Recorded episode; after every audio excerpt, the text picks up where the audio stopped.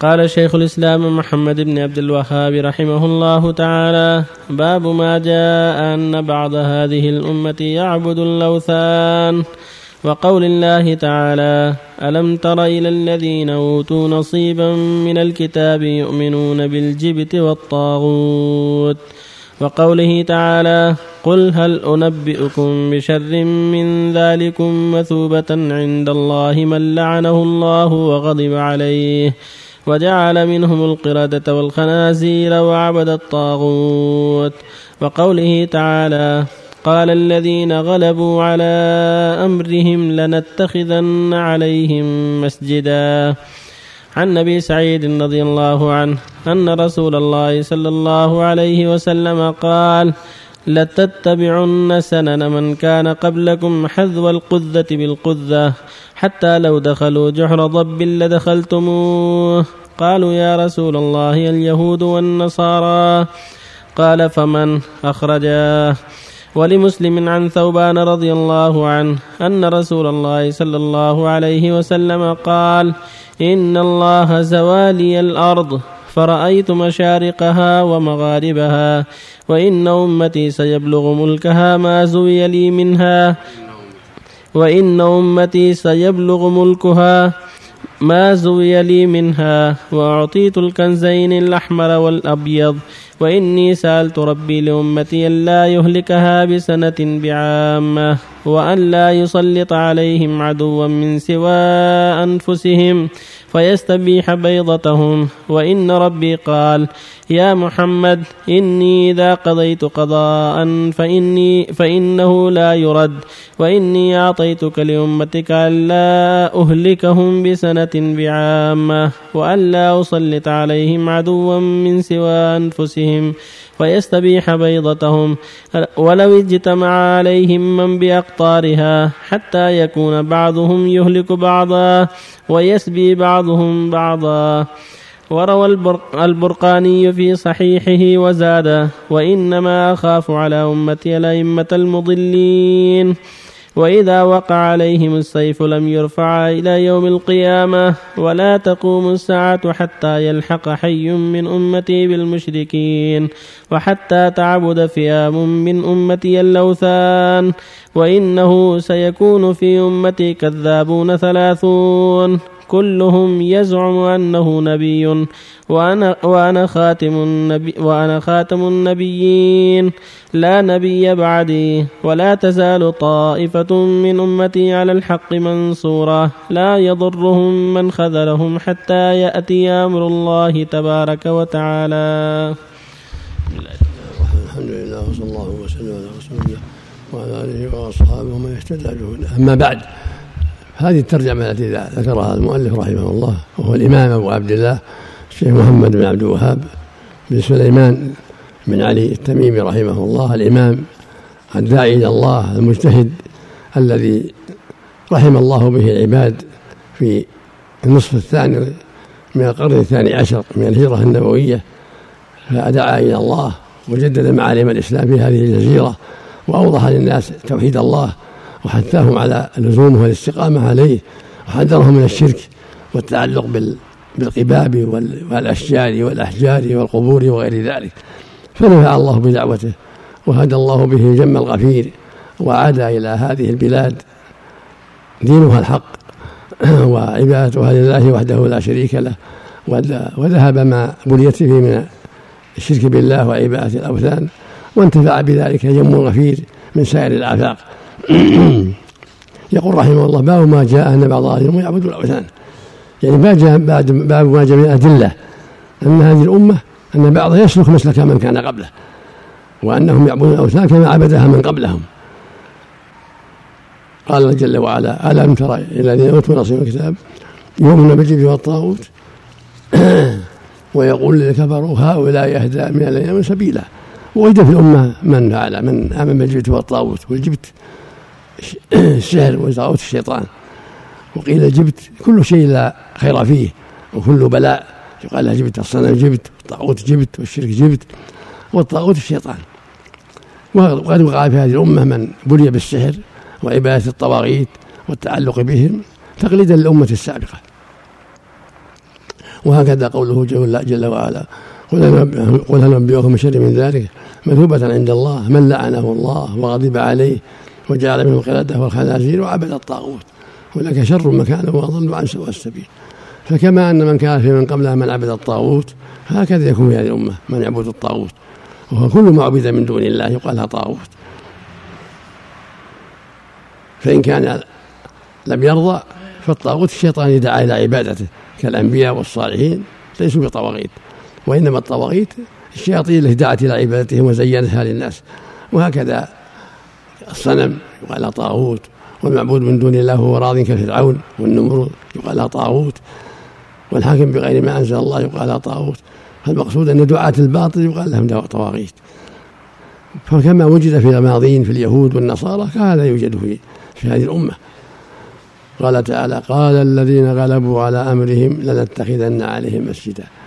يعني قال رؤساؤهم وكبراءهم لنتخذن عليهم مسجدا. فهكذا فيها الأمة.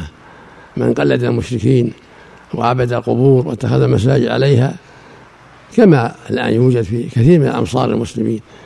التعلق على القبور وعبادتها من دون الله عز وجل وعبادة الأنبياء والصالحين كل هذا تقليد لمن مضى واتباع لمن مضى وسير على طريقة من مضى من المشركين.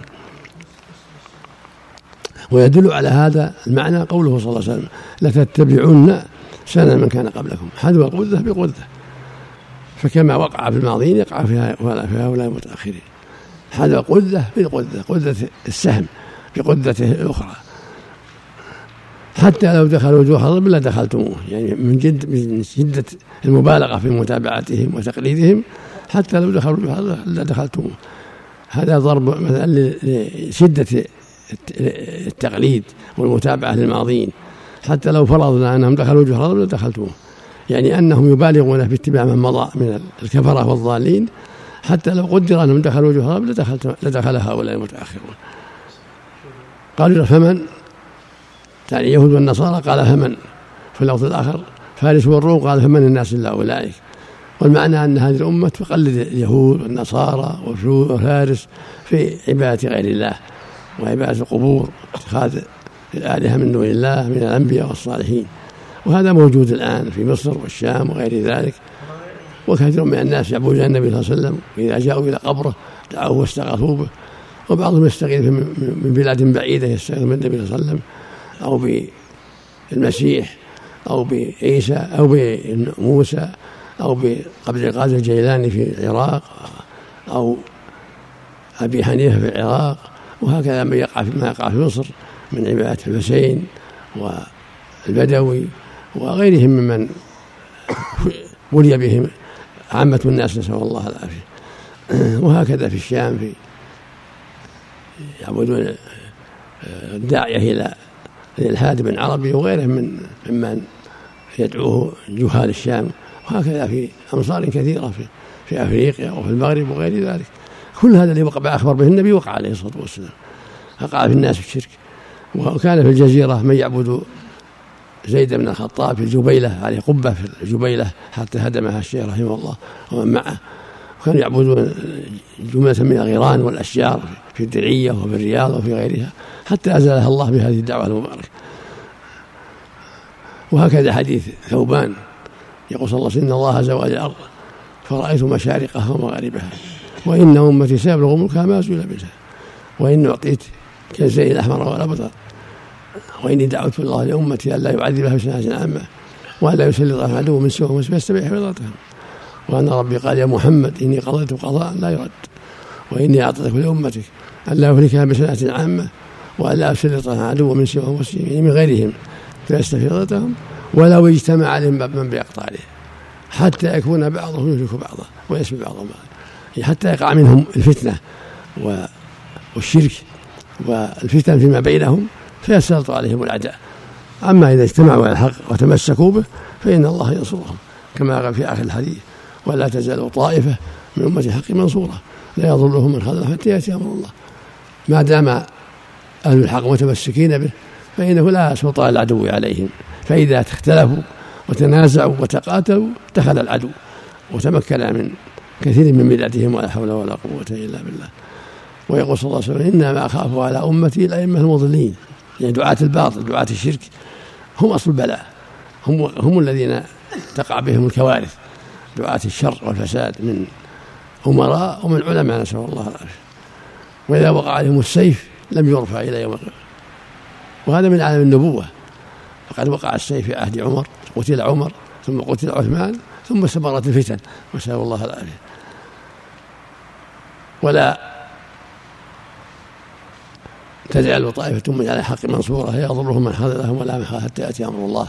هذا بشارة أن الله جل وعلا يبقي في هذه الأمة طائفة على الحق منصورة تكون قدوة لغيرها في الخير حتى تأتي الريح الطيبة التي يقبض الله بها أرواح المؤمنين والمؤمنات فلا يزال في الأمة في هذه الأمة من يعبد الله ويستقيم على دينه حتى يأتي أمر الله بقبض أرواح المؤمنين والمؤمنات فيبقى الأشرار فعليهم تقوم الساعة. وأخبر أنه لا تقوم الساعة حتى يلحق حي يعني قبيلة في الأرض قبائل أمة المشركين وحتى تعبد فئام من أمة الأوثان والذي قبلها عام وينس لتتبعون سنة من قبلكم. فأخبر صلى الله عليه وسلم أنه لا تزال هذه الأمة بخير ما لم تبتلى بالأئمة المضلين. وما لم تختلف فيما بينها فإذا اختلفت بليت بالشر والتحق منها الكثير بالشرك بالمشركين وعبدوا الأوثان وقلدوا غيرهم واتبعوا سنة من كان قبلهم بسبب اختلافهم وتقاتلهم وإضاعتهم أمر الله عز وجل. نسأل الله العافية. وفيه الحديث هذا أنه سيخرج في أمة كذابون ثلاثون كلهم يزعم أنه نبي. وهذا قد وقع. وآخرهم الدجال. يدعي أنه نبي ثم يدعي أنه رب العالمين. هو آخرهم قبحه الله. ولا تزال طائفة من هذه الأمة على الحق منصورة. لا يضرها من خذلها ولا من خالفها حتى يأتي أمر الله تبارك وتعالى. نسأل الله يجعلنا وإياكم منهم. ولا حول ولا قوة إلا بالله. الشرعية أو الحياة من التنظيم. نعم. تقليد اليهود والنصارى. المقصود بالأشياء الشرعية أم جميع في الشرك وغيره. في الشرك وغيره نسأل الله. كما قد وقع. حصر الكذابون في ثلاثين. أحسن الله إليك. هذا معروف في الأحاديث. نعم.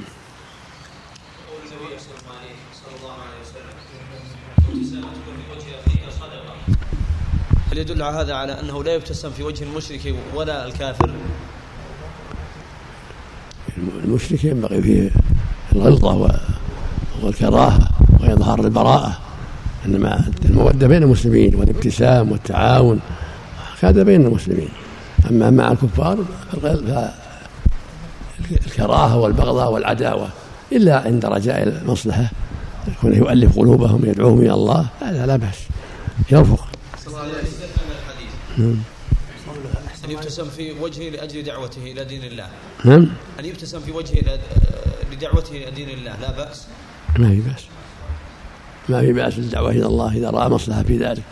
نعم. يعني مجتمعهم وزبدة ما عندهم من الخير. نعم. فئام من أمتي. كلمة فئام من أمتي. ما هي معنى الفئام؟ يعني جم الغفير يعني. نعم. يعني جم الغفير كثيرون. أحسن الله إليك. حديث إنما أخاف على أمتي الأئمة المضلين. درجته حسن. إيه. درجته أحسن الله إليك. نعم وش فيه؟ درجته أحسن الله إليك. لا بأس حديث بأس البرقاني رواها جماعة أيضا آخر. جاء في معناها أحاديث صحيحة كثيرة. قولها حتى يسبي بعضهم بعضا يا شيخ. يدل على أنه يكفر بعضهم بعضا. قد قد يقع. تأويل. قد يقع. نعم. نسأل الله العافية قد وقع أول ذلك في عهد عثمان وعلي أول الفتنة وقعت في عهد عثمان وعلي. نسأل الله العافية. السبي يا شيخ قد يقع قد يقع يعتقد الكفر ويسبيه نسأل الله العافية. نسأل الله العافية. سبحان الله سبحانك اللهم وبحمدك أشهد أن لا إله إلا أنت أستغفر الله. لا النجم إذا هوى ما ضل صاحبه وما ينطق عن الهوى. إن هو إلا وحي. هل يرد القدر يا شيخ. الدعاء هل يرد القدر يا شيخ. قدر المعلق. السلام عليكم. السلام. مساك الله بالخير يا شيخ. المعلق بالدعاء. عساك طيب يا شيخ. القدر المعلق له أسباب. إذا وقعت. عافى الله العبد منه. بيسأل يا شيخ سائل كبير. ها؟ نعم عندك سؤال؟ عندي الله يطول عمرك. سؤال أي. عندنا مسجد قديم عسى الله ختم لك بالجنة. نعم. ويجعلك إن شاء الله قدامنا فيها. والمسجد قديم وثالث.